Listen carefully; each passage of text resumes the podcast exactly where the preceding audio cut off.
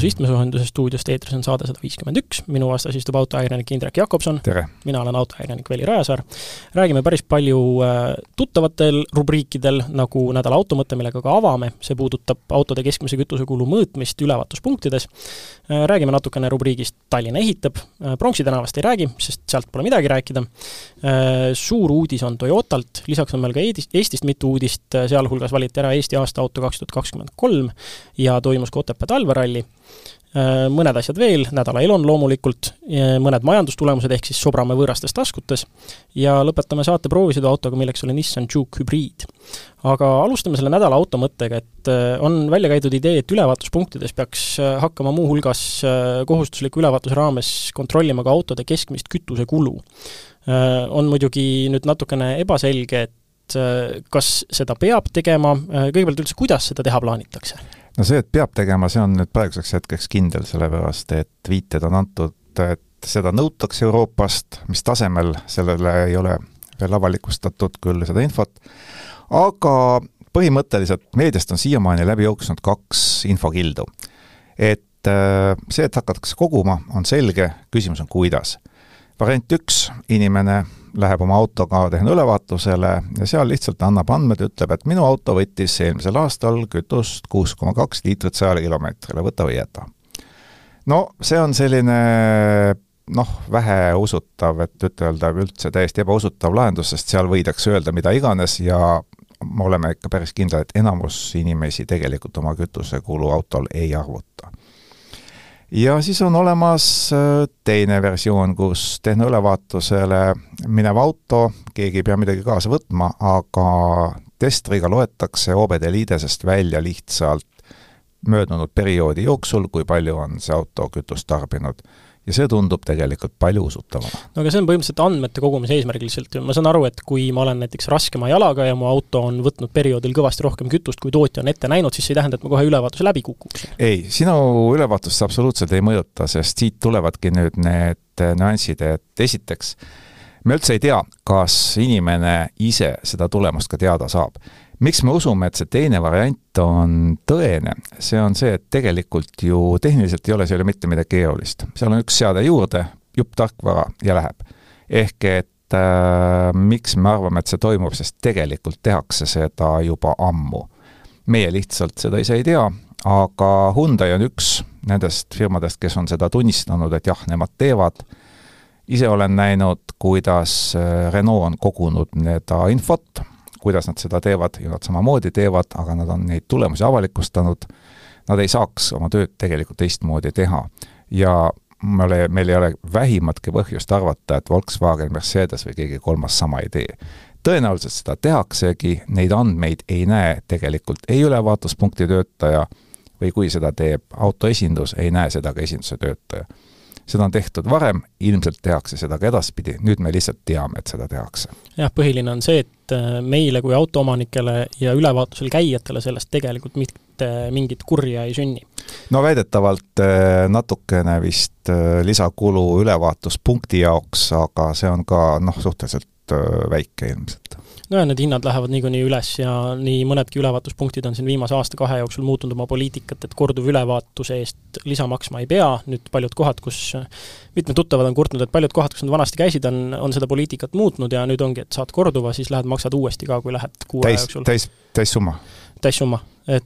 karm. see, see on suhteliselt jõhker, et hinnatõus kui selline noh, see on vaid üks asi nendest, mis seda mõjutab, aga, aga hinnatõus ülevaatustel on niikuinii toimunud ja toimumas, toimub ka edasi. aga Tallinn ehitab, Pronksi tänavast pole meil midagi uut rääkida, aga see-eest on äh, teada antud, et tulemas on üks teine suur ehitus, mis mõjutab äh, väga paljusid liiklejaid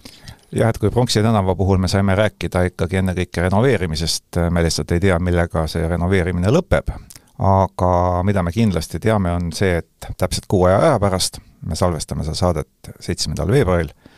seitsmendal märtsil algavad siis uue Vanasadama trammiliini ehitustööd, mis äh, tähendab lühidalt seda, et äh, tramm, mis praegusel hetkel sõidab äh, merepuiesteelt sadamast suhteliselt kaugelt mööda, noh, kaugelt või lähedalt, alla kilomeetri on seda maad täiesti jalgsi kõnnitav aga tulevikus hakkab tramm sõitma põhimõtteliselt terminalist terminali ja see tähendab seda, et äh, liikluskorraldused tulevad päris tõsiselt. kõigepealt pannakse kinni Laikmaa tänaval üks suund, see on siis see suund, mis läheb mere poole ja kinni pannakse lõik Gonsiori tänavat. ja see juhtub siis seitsmendal märtsil ja nädala pärast pannakse veel Kai tänav sadama piirkonnas kinni ja siis aprillis pannakse kinni Laikmaa tänaval teine suund ja Hobujaama tänav ja see tähendab juba seda, et bussidel saab olema väga-väga keeruline. ehk et ümber suunatakse väga suur hulk bussiliine äh, ja noh, oleme ausad, ühistranspordi kasutajatele hakkab see tekitama päris palju ebamugavust. mis on aga kõige hullem, on see, et äh, seitsmeteistkümnendast aprillist lähevad kinni trammiliinid kaks ja neli ja need hakkavad siis äh, kasutama, inimesed, kes on trammiga harjunud sõitma, sõidavad siis bussiliinidega ja lennujaama hakkab teenindama siis buss number viisteist. et praegu ta sõidab Ülemistele, Sõjamäele, aga tulevikus ilmselt siis bussijaam, bussiga hakkame saama lennujaama, selge on aga see, et buss hakkab käima tunduvalt harvem, et üks-ühele trammiliini graafikut ei tule noh, samas jäävad töösse trammiliinid üks ja kolm, aga ka need lähevad suve keskel kinni. jah, et augustis-septembris pannakse need ka kinni, nii et kuskil kolm-neli kuud, võib-olla viis, oleneb, kuidas õnnestub, on selline aeg, kui Tallinnas ei sõida ükski tramm ja see on päris karm. Aga vaatame kähku ühistranspordist kõrvale, vaatame, mida teevad kütusehinnad, mõned sendid on märkamatult jälle juurde keevitatud, et et äh, praeguse seisuga E üheksakümmend viis maksab üks seitsekümmend kolm, E üheksakümmend kaheksa viis senti kallim ja diisel on üks seitsmekümne peal püsinud. mis on märkimisväärne, et diisel on jälle muutunud odavamaks, sest äh, me ju päris mitu kuud mäletame seda, et diisel oli üheksakümne viiega samas hinnas. noh, see on niisugune suht igatalvine asi jah, paistab olevat. just, just. aga kaks äh, sündmust on vahepeal ju juhtunud, teatavasti detsembris kehtestati hinnalagi Venemaalt siis imporditavale toornaftale, Euroopa Liit ja mõned partnerid leppisid kokku, et see on kuuskümmend eurot barrelist, aga nüüd siis on viiendast veebruarist äh, uus hinnalagi ja see on sada eurot barrelist ja rasked kütteõlid nelikümmend viis barreli kohta. ja mis sellest saab, äh, eks siis äh, eksperdid on arvanud, et nüüd läheb küll asi karmiks, et kuna Vene naftat jälle tuleb vähem, noh, nüüd ka siis juba valmis tooteid et siis on vaja neid osta kuskilt kaugelt ja läheb kallimaks, praktika näitab paraku vastupidist, et hetkel tundub küll, et on olukord, kus diiselkütuse hinnale paneb see pigem nagu ülemise piiri, et ei lähe see sugugi käest ära. noh, eks siis vaatame, kaua see protsess kestab, aga esialgu noh, vaadates juba seda eelmist äh, toornafta hinnalage, siis tundub, et ei ole midagi hullu, saame hakkama järgmine suur uudis on Toyotalt. Äh, oleme ju ennegi nii Accelerista portaalis äh, kirjasõna vahendusel kui ka saates äh, kiitnud Toyota presidenti ja igakülgset juhti Akio Toyodat, et tal on olnud auto tootmisele ja autotööstuse tulevikule väga positiivne lähenemine, aga nüüd siis tundub, et tema astub sealt presidendi kohalt maha ja teeb koha va-, vabaks järgmisele inimesele kes on siis Koichi Sato, kui ma jaapanipäraselt õigesti hääldan, vabandust. esimene aprill, äh, pisut alla kahe kuu on aega jäänud ja temast saabki siis Toyota kontserni uus president ja tegevjuht. praegu on ta Lexuse kaubamärgi president, äh, ta on brändijuht ja Gazoo Racingu president.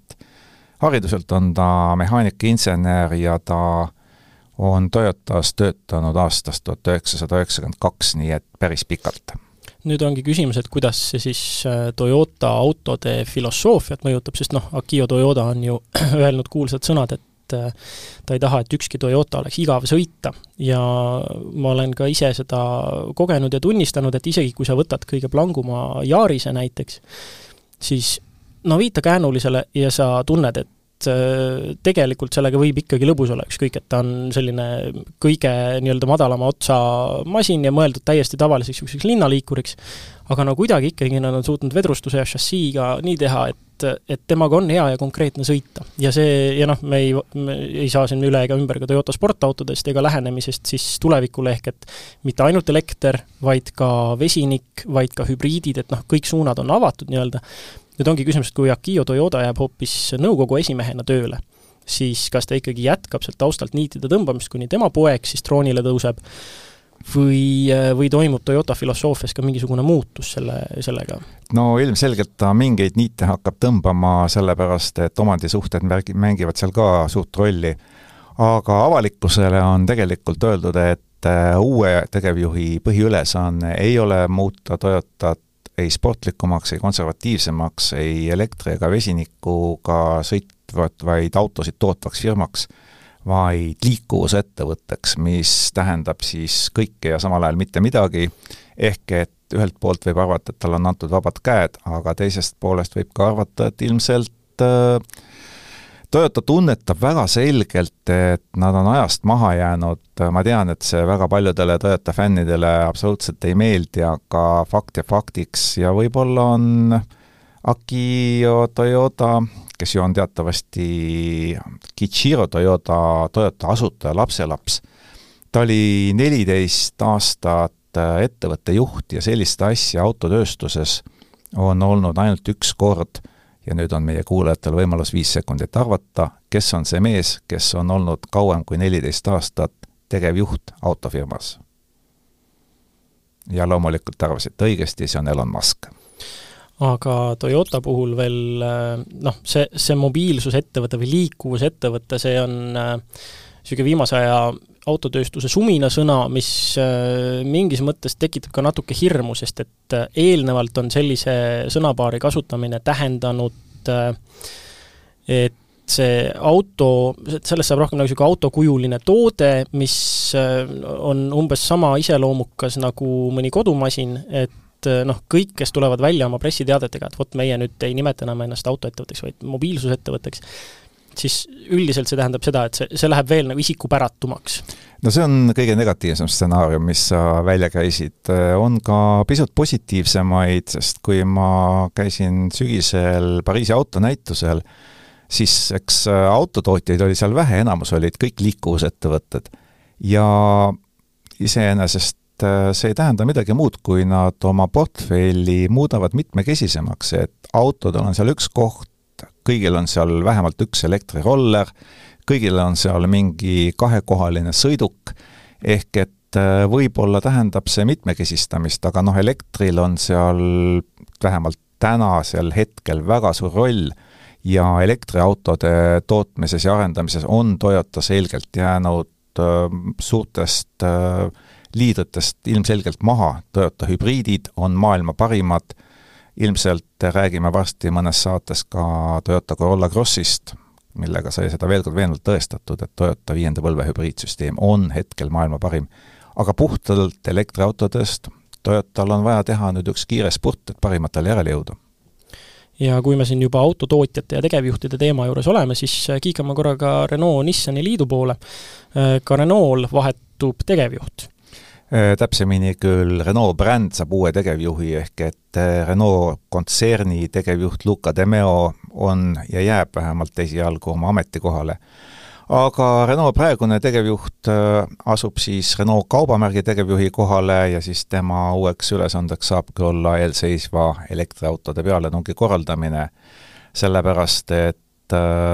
pole midagi teha, nagu juba just ütlesime, elektriautodel on hetkel põhiline roll kogu liikuvuses ja Renault ei saa siin olla kõrvaltvaataja.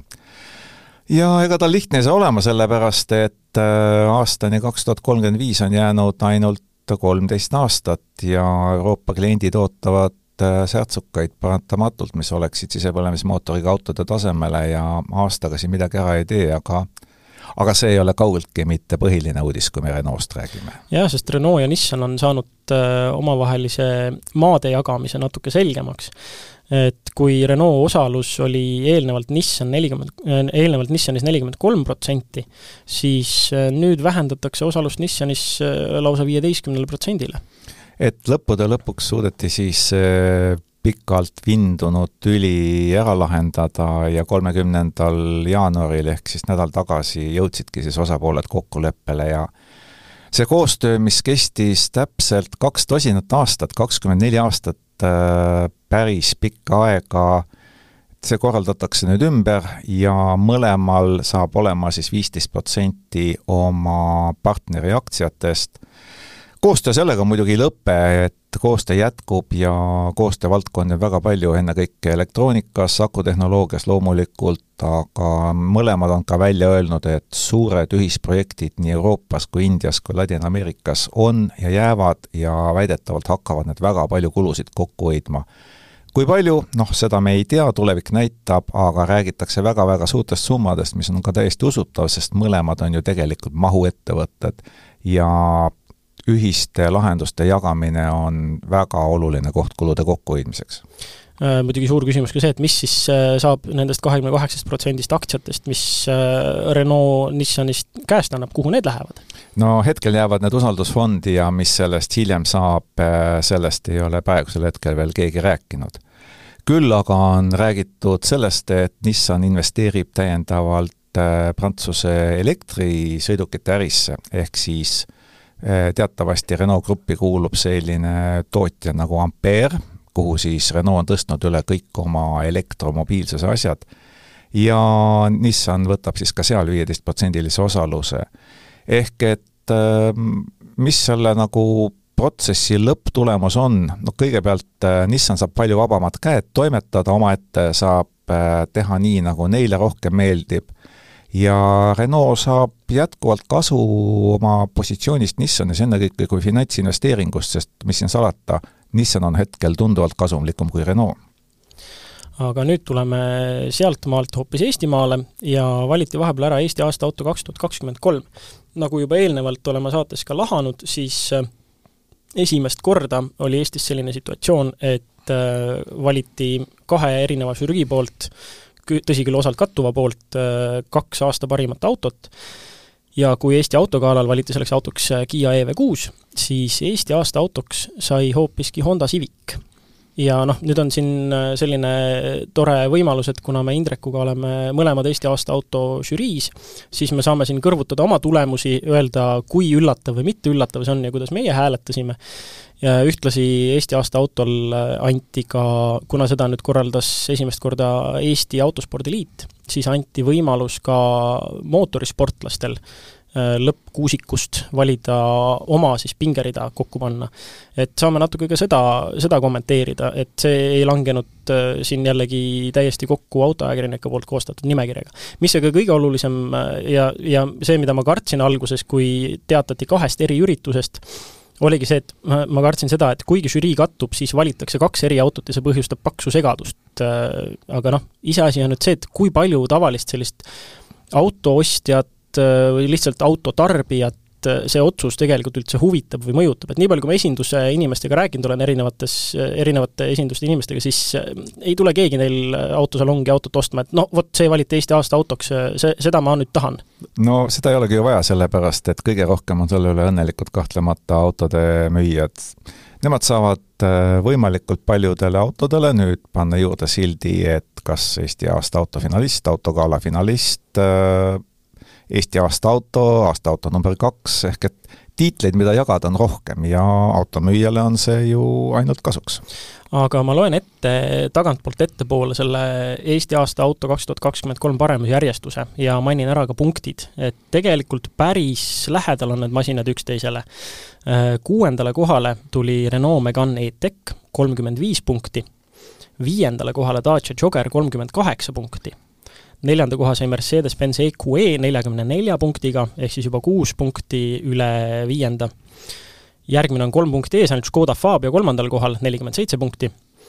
ühe punktiga võttis teise koha Kiia EV6, nelikümmend kaheksa,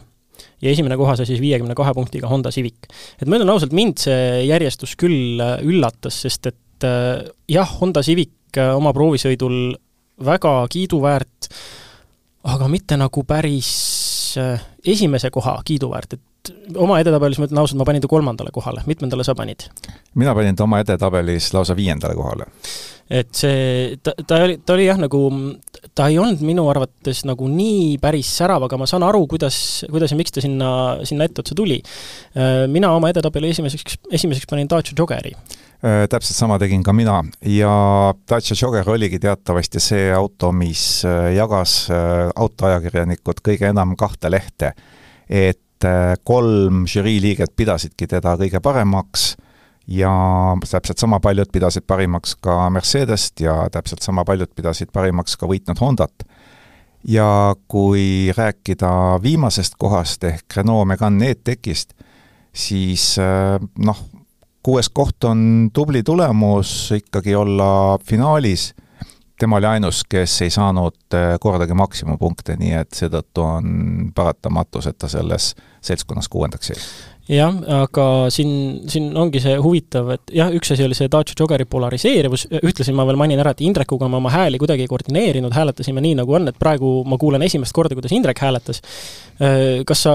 loeksid oma edetabeli korra ette, ma jätkan enda omaga kohe? Äh, tagantpoolt ettepoole või eestpoolt tagapoole? Äh, no pane tagantpoolt ettepoole. jah, et kuues koht siis Renault Megane E-Tech ja miks ma panin ta kuuendaks tubli ponnistus Renault poolt aga mitte see, mis annaks äh, lihtsalt põhjust olla kõrgel positsioonil aasta auto valimisel. täiesti okei okay auto, aga siit-sealt annab tunda, et ta ei ole küps ja tunda annab see, et siit-sealt on jällegi raamatupidajad käinud inseneridest üle. ja noh, need asjad häirivad. viiendale kohale panin Honda, äh, kuuenda, neljandale kohale Škoda Fabia ehk tegelikult, kui praegu rääkida, siis äh, mitmed autod olid tegelikult paari kaupa, et Škoda Fabia ja Honda olid üsna sarnased autod ja ma oleks nad võib-olla pannud isegi samale tasemele, aga noh, seda võimalust ei pakutud.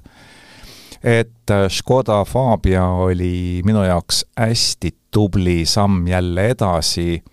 ja kui ei oleks olnud selliseid üksikuid häirivaid momente, kus annab tunda, et jah, sa oled Volkswageni odav bränd ja me rõhutame seda sulle, kui sul see vahepeal meelest ära läheb. kui neid momente oleks olnud, oleks ta olnud veel kõrgema, sest funktsionaalsus ja sõiduomadused on väga okeid. Äh, kolmandale kohale panin Kiia EV6 ja teisele kohale Mercedes-Benz EQE AMG äh, kui Kiia oleks oma EV6 GT varem Eestisse toonud, siis oleksid need kohad ilmselgelt vahetunud ja noh, kui Mercedesel oleks lisandunud AMG asemel SUV, siis ilmselt oleks ka tema koht olnud veidi kõrgemal. ja esimeseks panin Dacia Joggeri, kellest me oleme juba hästi palju rääkinud, miks ta on esimene, siin ei ole vist mõtet pikemalt peatudagi mõned asjad meie edetabelis, isiklikus edetabelis kattusid, mõned mitte, ma loen kiirkorras enda oma ette, kuuendale ma panin äh, ise kusjuures Mersu, sellepärast et ikkagi sellise raha eest sa ootadki sellist autot, et ei olegi midagi väga, mille kallal äh, nuriseda.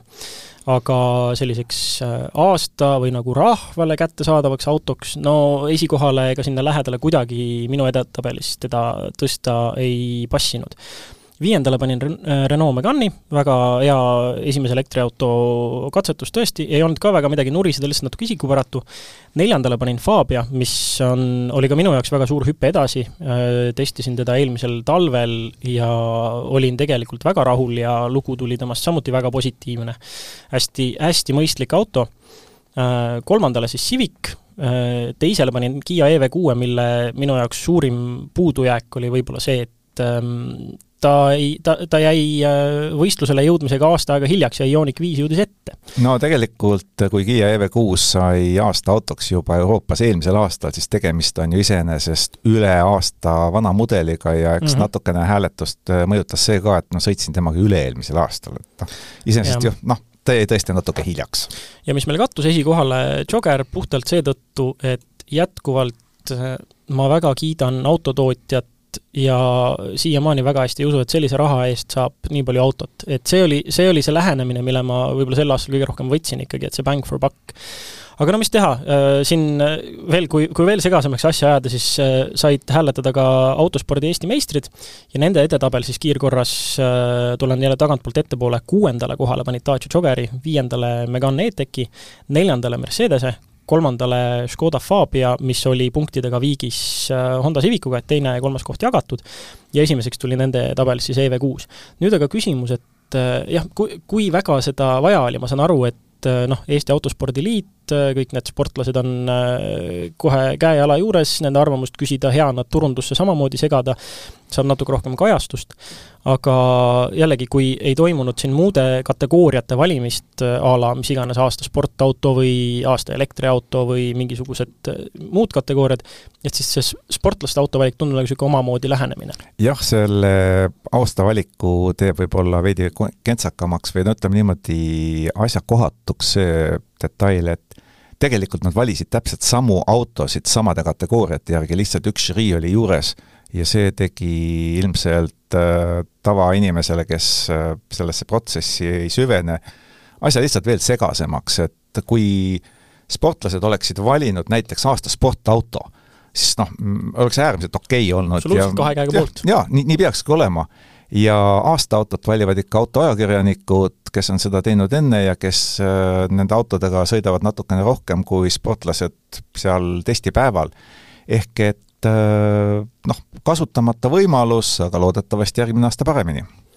aga kui me juba autosporti mainisime, siis äh, nädalavahetusel toimus ka Otepää talveralli, mis ühtlasi avas Eesti meistrikate kalendri siis esimese etapina. Äh, sina käisid seal täitsa kohal ja kirjutasid ka loo, mis on äh, tänasest ka Accelerista portaalis leitav ja loetav, lisasime sinna ka kohapeal olnud fotograafi galerii. meil oli Accelerista poolt oma fotograaf ka, aga kahjuks juhtus suur tehniline viperus, mille tõttu tema sai seda üritust nautida pealtvaataja, mitte töötegija rollis aga ikkagi meeleolukaid pilte leiab samuti, kui, kui minna meie lehele. aga mis sul siis selle talveralli kohta, kohta öelda on? Ott Tänak äh, oli kohal, said Järveojaga nii-öelda hea harjutuspäeva ja no see oli kõige tähtsam talle ilmselt, sellepärast panid kalendriga kinni? panid kalendriga kinni üle kahe minuti ja äh, mis võib-olla üllatas natukene, oli see, et äh, Rally1 klassi autosid oli seal kaks tükki, mõlemad siis Ford Pumad ja teine Rally1 auto jäi päris kõvasti maha, et äh, ta ei mahtunud isegi esiviisikusse. aga järgmised olid äh, Georg Linnamäe, James Morgan sõitsid siis Rally2 klassi autoga ja Gregor Jeets, Timo Daniel siis samuti Rally2 äh, klassi autoga, üks siis Hyundai'ga ja teine Škoda Fabiaga ja neljas olid siis parim Läti paar, nemad sõitsid Mitsubishi Lancer Evo üheksaga ja võib-olla kaks äh, sellist uudismomenti sellelt rallilt, mis äh, varasematel talverallidel ei ole olnud. noh, täpsemini viimati kahe tuhande viieteistkümnendal aastal ehk kaheksa aastat tagasi olid esimest korda, olid viimati stardis veoautod ja nüüd siis jälle. ehk et äh, see oli hästi vahva, üksteist paari alustas, ainult neli katkestas, mis on veoautode klassis äärmiselt kõva sõna et noh, kui üldse rääkida siin ralli alustajatest, lõpetajatest, siis sellised äh, lihtsad numbrid, et äh, kaheksakümmend viis paari, kaheksakümmend viis autot läks starti, äh, kaksteist võistlusklassi, kümme riiki oli osalejaid ja lõpetajaid siis või katkestajaid üheksateist võistluspaari vähem, nii et päris hästi tulid. jah, kolm neljandikku, siis kolm veerand põhimõtteliselt sõitsid lõpuni välja. jah, ja ilmselt no veoautode klassis on see ju täiesti loomulik, sest nendel on probleemid reeglina suvel, kui ülekuumenemine teeb rohkem hädasid kui talvel mingisuguste väiksemate asjade üles ütlemine. ja võib-olla teine selline huvitav asi, mis nüüd oli, et esimest korda oli uus võistlusklass EMV Lada. seal oli küll ainult kolm autot äh, stardis, tagaveolised laadad, kõik olid äh, kaks, üks, null, viie või siis selle mingid derivaadid. ja noh, tegelikult samad autod, millega siis äh, aasta tagasi sõideti Eesti meistrivõistluste EMV kaheksa klassis Lada Classic Cupil, nii et kolm paari alustas, kõige kiiremad ei jõudnud finišisse, aga need, kes targalt sõitsid, Koit Repnau, Hannes Annus, jõudsid siis oma klassi võiduni. Noh, jälle kord see, et ma, ma saan aru, et sa olid seal vahepeal täitsa sattusid sündmuste keskpunkti, et küll oli seal üks veok, millel roolivõim üles ütles, küll sa nägid, kuidas üks neist välja pani, aga siin on, siinkohal on jälle see, et kui sa vahepeal ka raja kõrval oma autoga natuke avastamas ei käi, siis sa tõenäoliselt sõidad liiga turvaliselt jah, et eks see käib asja juurde, väikesed väljasõidud on ju rallide puhul alati ja Ott isegi tegi sellise noh, ta ei ole päris spinn, aga ta läks äh, ühte kurvi viiendal katsel äh, ütleme, külg ees natuke kauem, kui oleks pidanud ja jäi seisma natuke varem, kui oleks pidanud, et päris pinniks ei kvalifitseerunud, aga ütleme siis liiga varaseks pidurduseks lume abiga aga muus osas ma saan aru, et üritus oli meeleolukas, aga Otepää vist ei olnud päris selliseks äh, külastajate hulgaks valmis, mis äh, tõenäoliselt äh, Tänak, Järveoja kohale kutsusid? no üritus oli äärmiselt meeleolukas ja selles suhtes tuleb küll tänada kõiki, nii korraldajaid kui ka ilmataati, kes tõesti lõi ideaalsed tingimused, paar külmakraadi, selge ilm, värskelt sadanud lumi, noh, paremaid tingimusi on raske tahta mm. -hmm. ja rahvast oli kohal tõesti rohkem kui oodatud, no ainuke probleem oli see, et parkida ei olnud kusagil, sest eks kõik tulid autodega ja kui oli vahepeal pikk paus, ehk siis äh, keskne hoolduspaus, kõik tulid Otepääle, tahtsid parkida, tahtsid süüa, siis äh, oli natuke probleemne. et noh, see oleks olnud asi, mille peale võib-olla oleks noh, raske öelda, mis noh, mis see, mis see nagu, mis see la-, raske nagu lahendada ka jah, et no ei ole raske, too üks food truck kohale, hakkame sellest pihta. ja korralda parkimine nii, et äh, sul on natuke selgemini juhendatud kui see, et mine otsi sealt kuskilt. aga kõik said hakkama, mingeid intsidente ei olnud ja, ja nagu sa ütlesid, väga meeleolukas oli, nii et äh, ootame põnevusega Rapla rallit, et kahju küll, et tänavu Viru rallit ei toimu mis teha, äh, alati ei lähe kõik läbirääkimised nii, nagu soovitakse, aga ehk, ehk järgmisel aastal. järgmiseks aga võtame ette nädala Eloni ja nädala Tesla ja jälle kord uudiseid, äh, nagu selles rubriigis alati, äh, on palju, ühtlasi hõikan juba ette, et üks selleks aastaks tehtud ennustus saab siin rubriigis ka mm, täkkesse juba. aga kõigepealt esimene asi on see, et et nüüd Teslat süüdistatakse, et üks jälle, jälle kord nende autopilooti või isegi mitte autopilooti, vaid isejuhtimist puudutav äh, videoklipp on lavastatud. Jah, et äh, Tesla tegi selle juba kahe tuhande kuueteistkümnendal aastal ja levitas seda videot üle maailma, kus näitab, et äh, Tesla täiesti sõidab ise, sõidab marsruudil, peatub punase tule ees, hakkab liikuma vastavalt liiklusmärkidele, et Äh, tundub nagu ilusam, kui nagu oskaks tahta ja seda veel aastal kaks tuhat kuusteist, seitse aastat praegusest varem. ja, ja New York Times on selle asja tõsiselt üles tõstnud ja öelnud, et see videol olev marsruut oli autol tegelikult ette ära kaardistatud. ja ausalt öelda, kui mõelda, siis see ei ole nagu eriti keeruline enam, kui me mõõnud, mõtleme sellele, mida oskab näiteks äh, Volkswagen ID5 teha, tõsi küll, aastal kaks tuhat kakskümmend kaks, mitte kuusteist, aga ta oskab ka sõita kohale, kui talle on enne see korralikult selgeks õpetatud, et ilmselt Teslale oli see samamoodi selgeks tehtud, kus tuleb seista, kus tuleb sõita, ja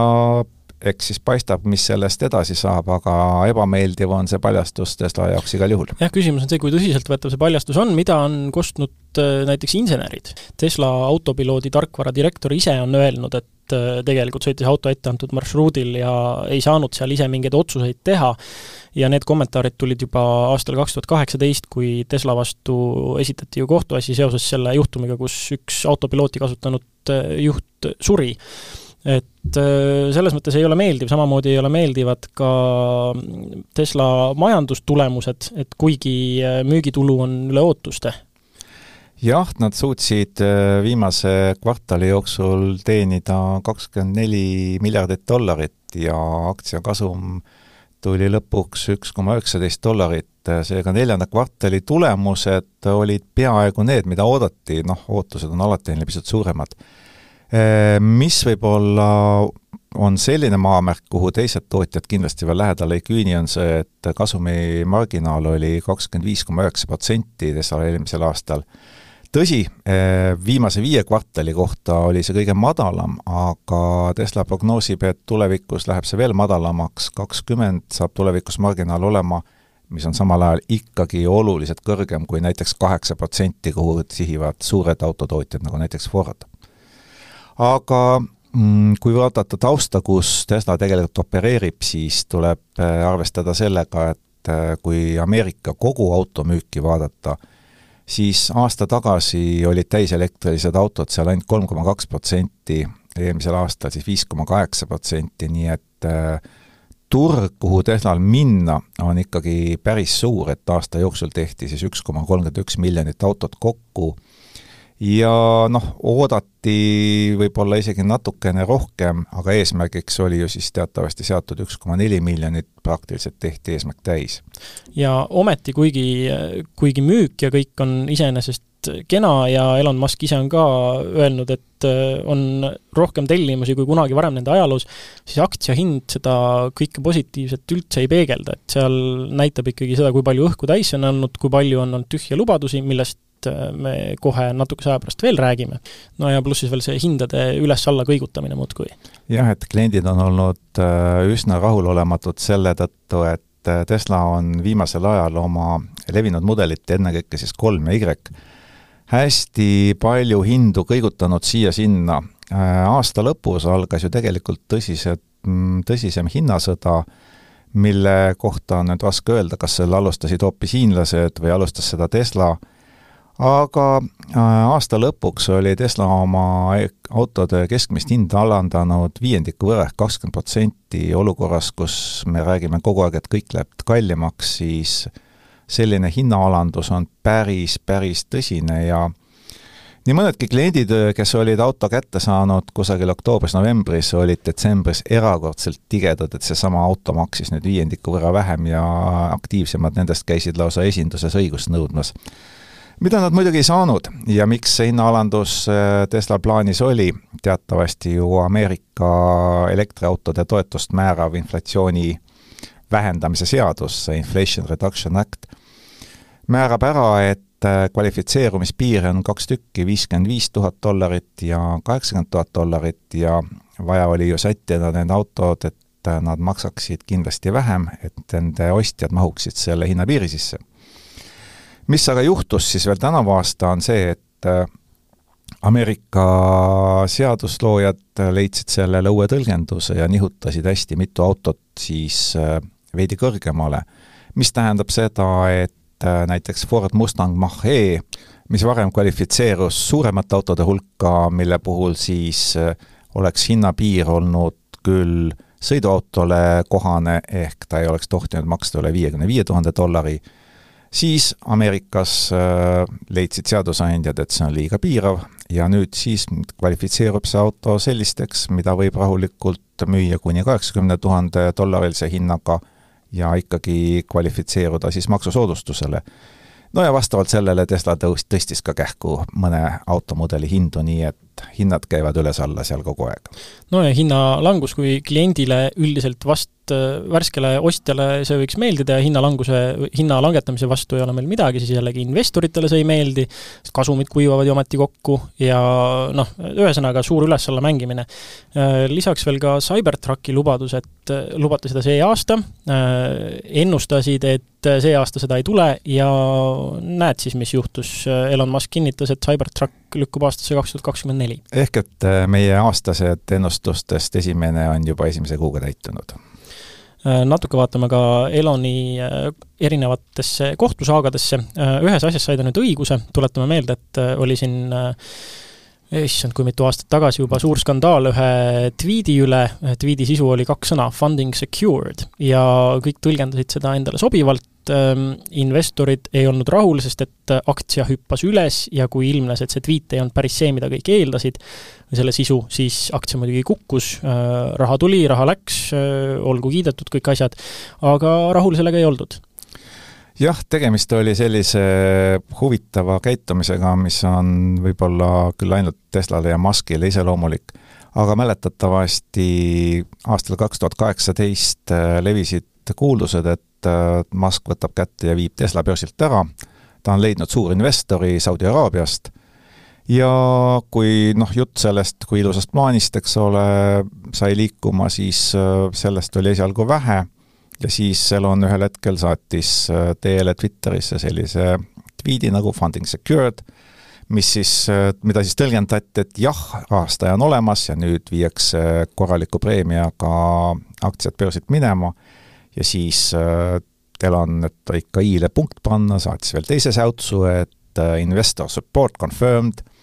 kuigi lisas sinna juurde, et ettepanek sõltub aktsionäride hääletusest, aga seda tõlgendati väga selgelt, et kõik nüüd on otsustatud ja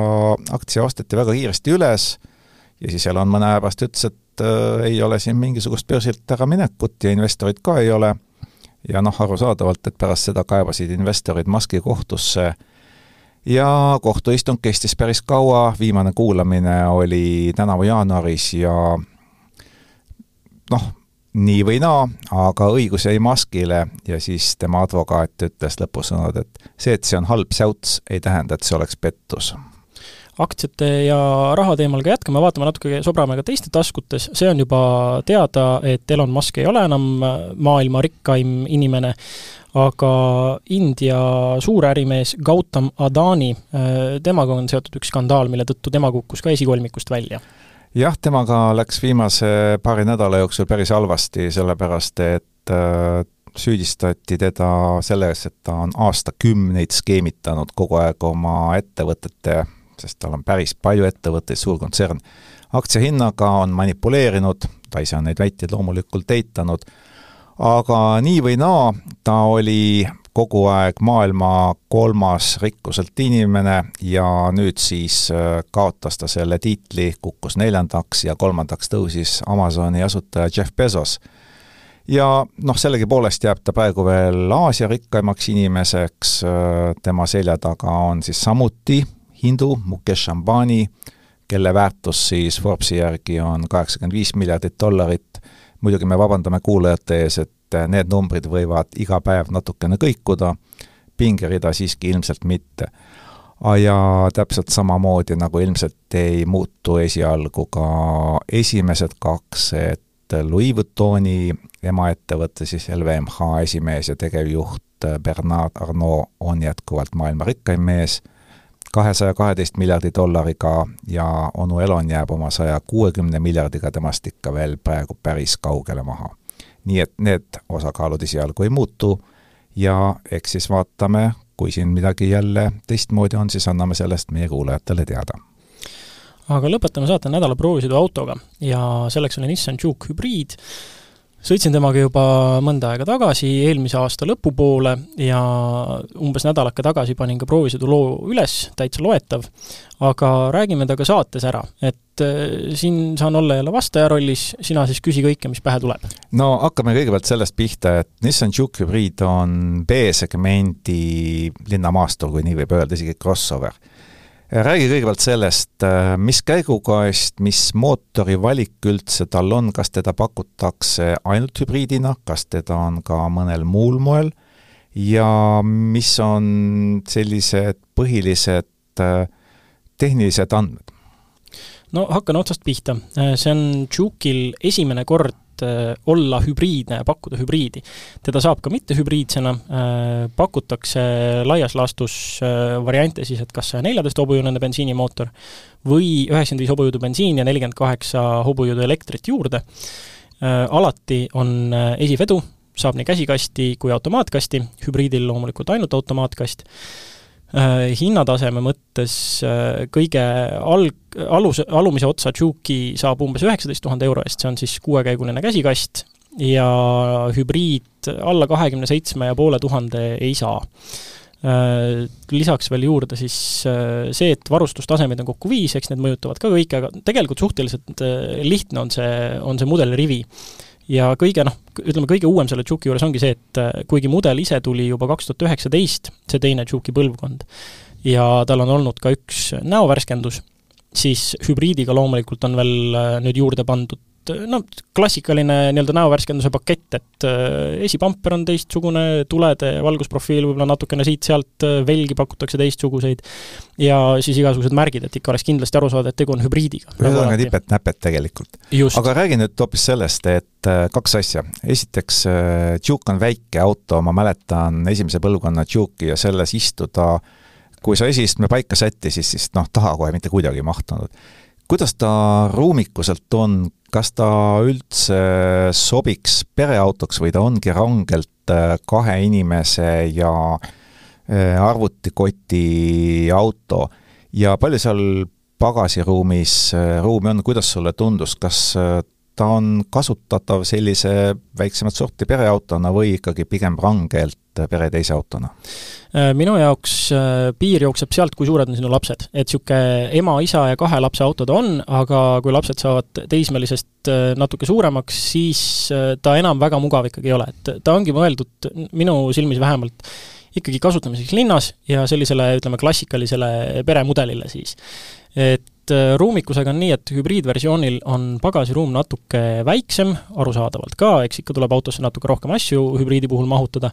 et pagasiruumi maht on äh, tavamudelil nelisada kakskümmend kaks liitrit, aga hübriidil äh, seitsekümmend liitrit vähem, kolmsada viiskümmend neli. mida on ikkagi tegelikult päris korralikult B-segmendi kohta. jaa, et ütleme, ruumiga priisata ei ole aga esiistmeil kahel täiskasvanul väga mugav, aga nende taga jah, no ütleme, ta ei ole niisugune mugav pikareisi auto ikkagi.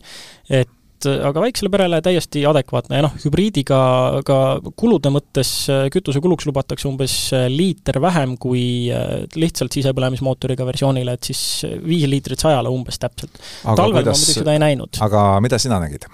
mina nägin niisugune kuus ja pool, kuus ja veits ülespoole. kas sa käisid sõita. temaga ka ringrajal kuskil, harrastasid äh, agressiivset sõidustiili äh,? ringrajal loomulikult mitte, aga talvised tingimused ikkagi võimaldasid, noh, eks ma ta oma tavalisele käänuliste tiirule ikka viisin ja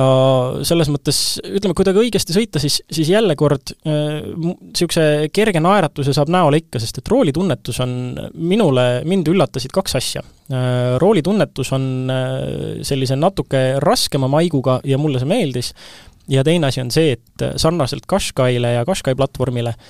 sissekeeramine kurvi on ootamatult konkreetne. Äh, ta ei ole nagu selline lodev ega kalduv ega noh, täitsa nagu ütleme, ta on niisugune, ja talvistel teedel ta on selline visatav auto, ütleme, et ta on, tegelikult temaga saab täitsa ka lõbusalt sõita, kui sa tahad, aga see lõbu ei tule mitte ühestki otsast äh, loomulikult mootorist ega minekust, see lõbu tuleb ikkagi puhtalt šassiist ja, ja vedrustusest. Äh, tõsi, tal on küll kõik mingid sõi-, erinevad sõiduprofiilid ka, et öko ja sport ja asjad, aga no ega see sport nagu väga seda karakterit ei, ei muuda aga kuidas selles autos sees istuda on ja kuidas juhi töökoht öö, oma ergonoomika poolest on, kuidas sõitjate ruum on kujustatud, on seal nupud, pead sa maadlema liuguritega, puutetundlike ekraanidega, kuidas sellega? Kiidan selles osas, et füüsilised nupud on alles, peaaegu noh, kõik olulised asjad käivad füüsilistest nuppudest, tõsi, see multimeediasüsteem oma graafikalt ja kiiruselt ja ülesehituselt hakkab aeguma, seda ei olegi, ei, ei olegi kuidagi uuendatud, aga kõik olulised asjad käivad ikkagi nuppudest ja see on, see oli minu jaoks selline põhiline positiivne asi. lisaks äh, istumine, tead, ei ole nagu midagi ette heita isteasendisel, isteasendile ega istmete toele või toestamisele. multimeediast rääkides veel lisavarustusena saab juurde osta, tõsi küll, kahe tuhande euro eest parema helisüsteemi, mis paneb oma ühtlasi kõlarid istmete kaelatoele aga noh, see on, see on jällegi niisugune asi, et see, see aitab sellele mm, helielamusele kaasa, sisemüra natukene on, mitte, mitte nagu meeletult häirivalt, eks need kõlarid natukene siis täiendavad seda veel omakorda seda helielamust. aga mitte aktiivset mürasummutust? Äh, nii palju, kui mina tean, siis aktiivset mürasummutust mitte, et ei ole nagu nendel e-Poweri mudelitel, aga ma arvan, et siin ongi see lõppjärelduse koht, et Juke hübriid on, ta teeb hübriidi asju, ta teeb neid hästi, ta on konkurentidest küll ikkagi paar aastat noh, ta on hiline tulija selles mõttes, ta on tulnud turule, mis on väga täis juba teisi sarnaseid autosid, ja Nissani e-Poweri mudelid nii mõneski mõttes teevad seda elektrilise sõidu elamust juba paremini, juba puhtamalt. Ja nad ei ole väga palju kallimad, et see Juke hübriidi eest ikkagi see, et sa peaaegu kümme tuhat maksad tavamudelile juurde, no pane veel natuke juurde, võta Qashqai e-Power näiteks ja ma arvan, et on tagaistujate ruumikusega parem ja kui sa tahad minna üle, või noh, minna nii-öelda pehmelt elektriautode ajastusse üle, siis see Qashqai e-Power selle koha pealt on isegi natukene parem valik võib-olla, aga samas linna vahel Juke, no ma ütlen, puudujääke selle koha pealt minu jaoks ei, ei olnud, aga selles segmendis kas või see on juba suureks äh, puudujäägiks kindlasti mõne jaoks, et ainult esivedu, sest sarnase hinna eest sa saad juba päris mitut äh, sama, sama B-segmendi SUV-d, millel on ka nelikvedu pakkumisel nii et võime tegelikult kokkuvõtteks öelda, tegemist on küllaltki mõistliku nii hinna kui ka pakutava poolest B-segmendi crossoveriga, mis ei ole väga suur ei hinnalt, ei ruumikuselt, aga ka mitte kütusekulult ja täidabki seda funktsiooni, milleks ta on ilmselt mõeldud, ennekõike linnas, olla säästlik kulgur, kui sul ei ole väga palju ja väga suuri asju vaja vedada. just, ja valikukriteeriumiks paljudele võibki olla kas nelikvedu või siis ähm, polariseeriv välimus, et puhtalt selline asi, et sellel, selles segmendis mine ja vali, raha on taskus, siis mine ja vali juba endale meeldiva välimuse ja veoskeemi järgi. aga selline oli meie saade sada viiskümmend üks, aitäh, et kuulasite, loodetavasti kuulate ka järgmisel korral! Kuulmiseni!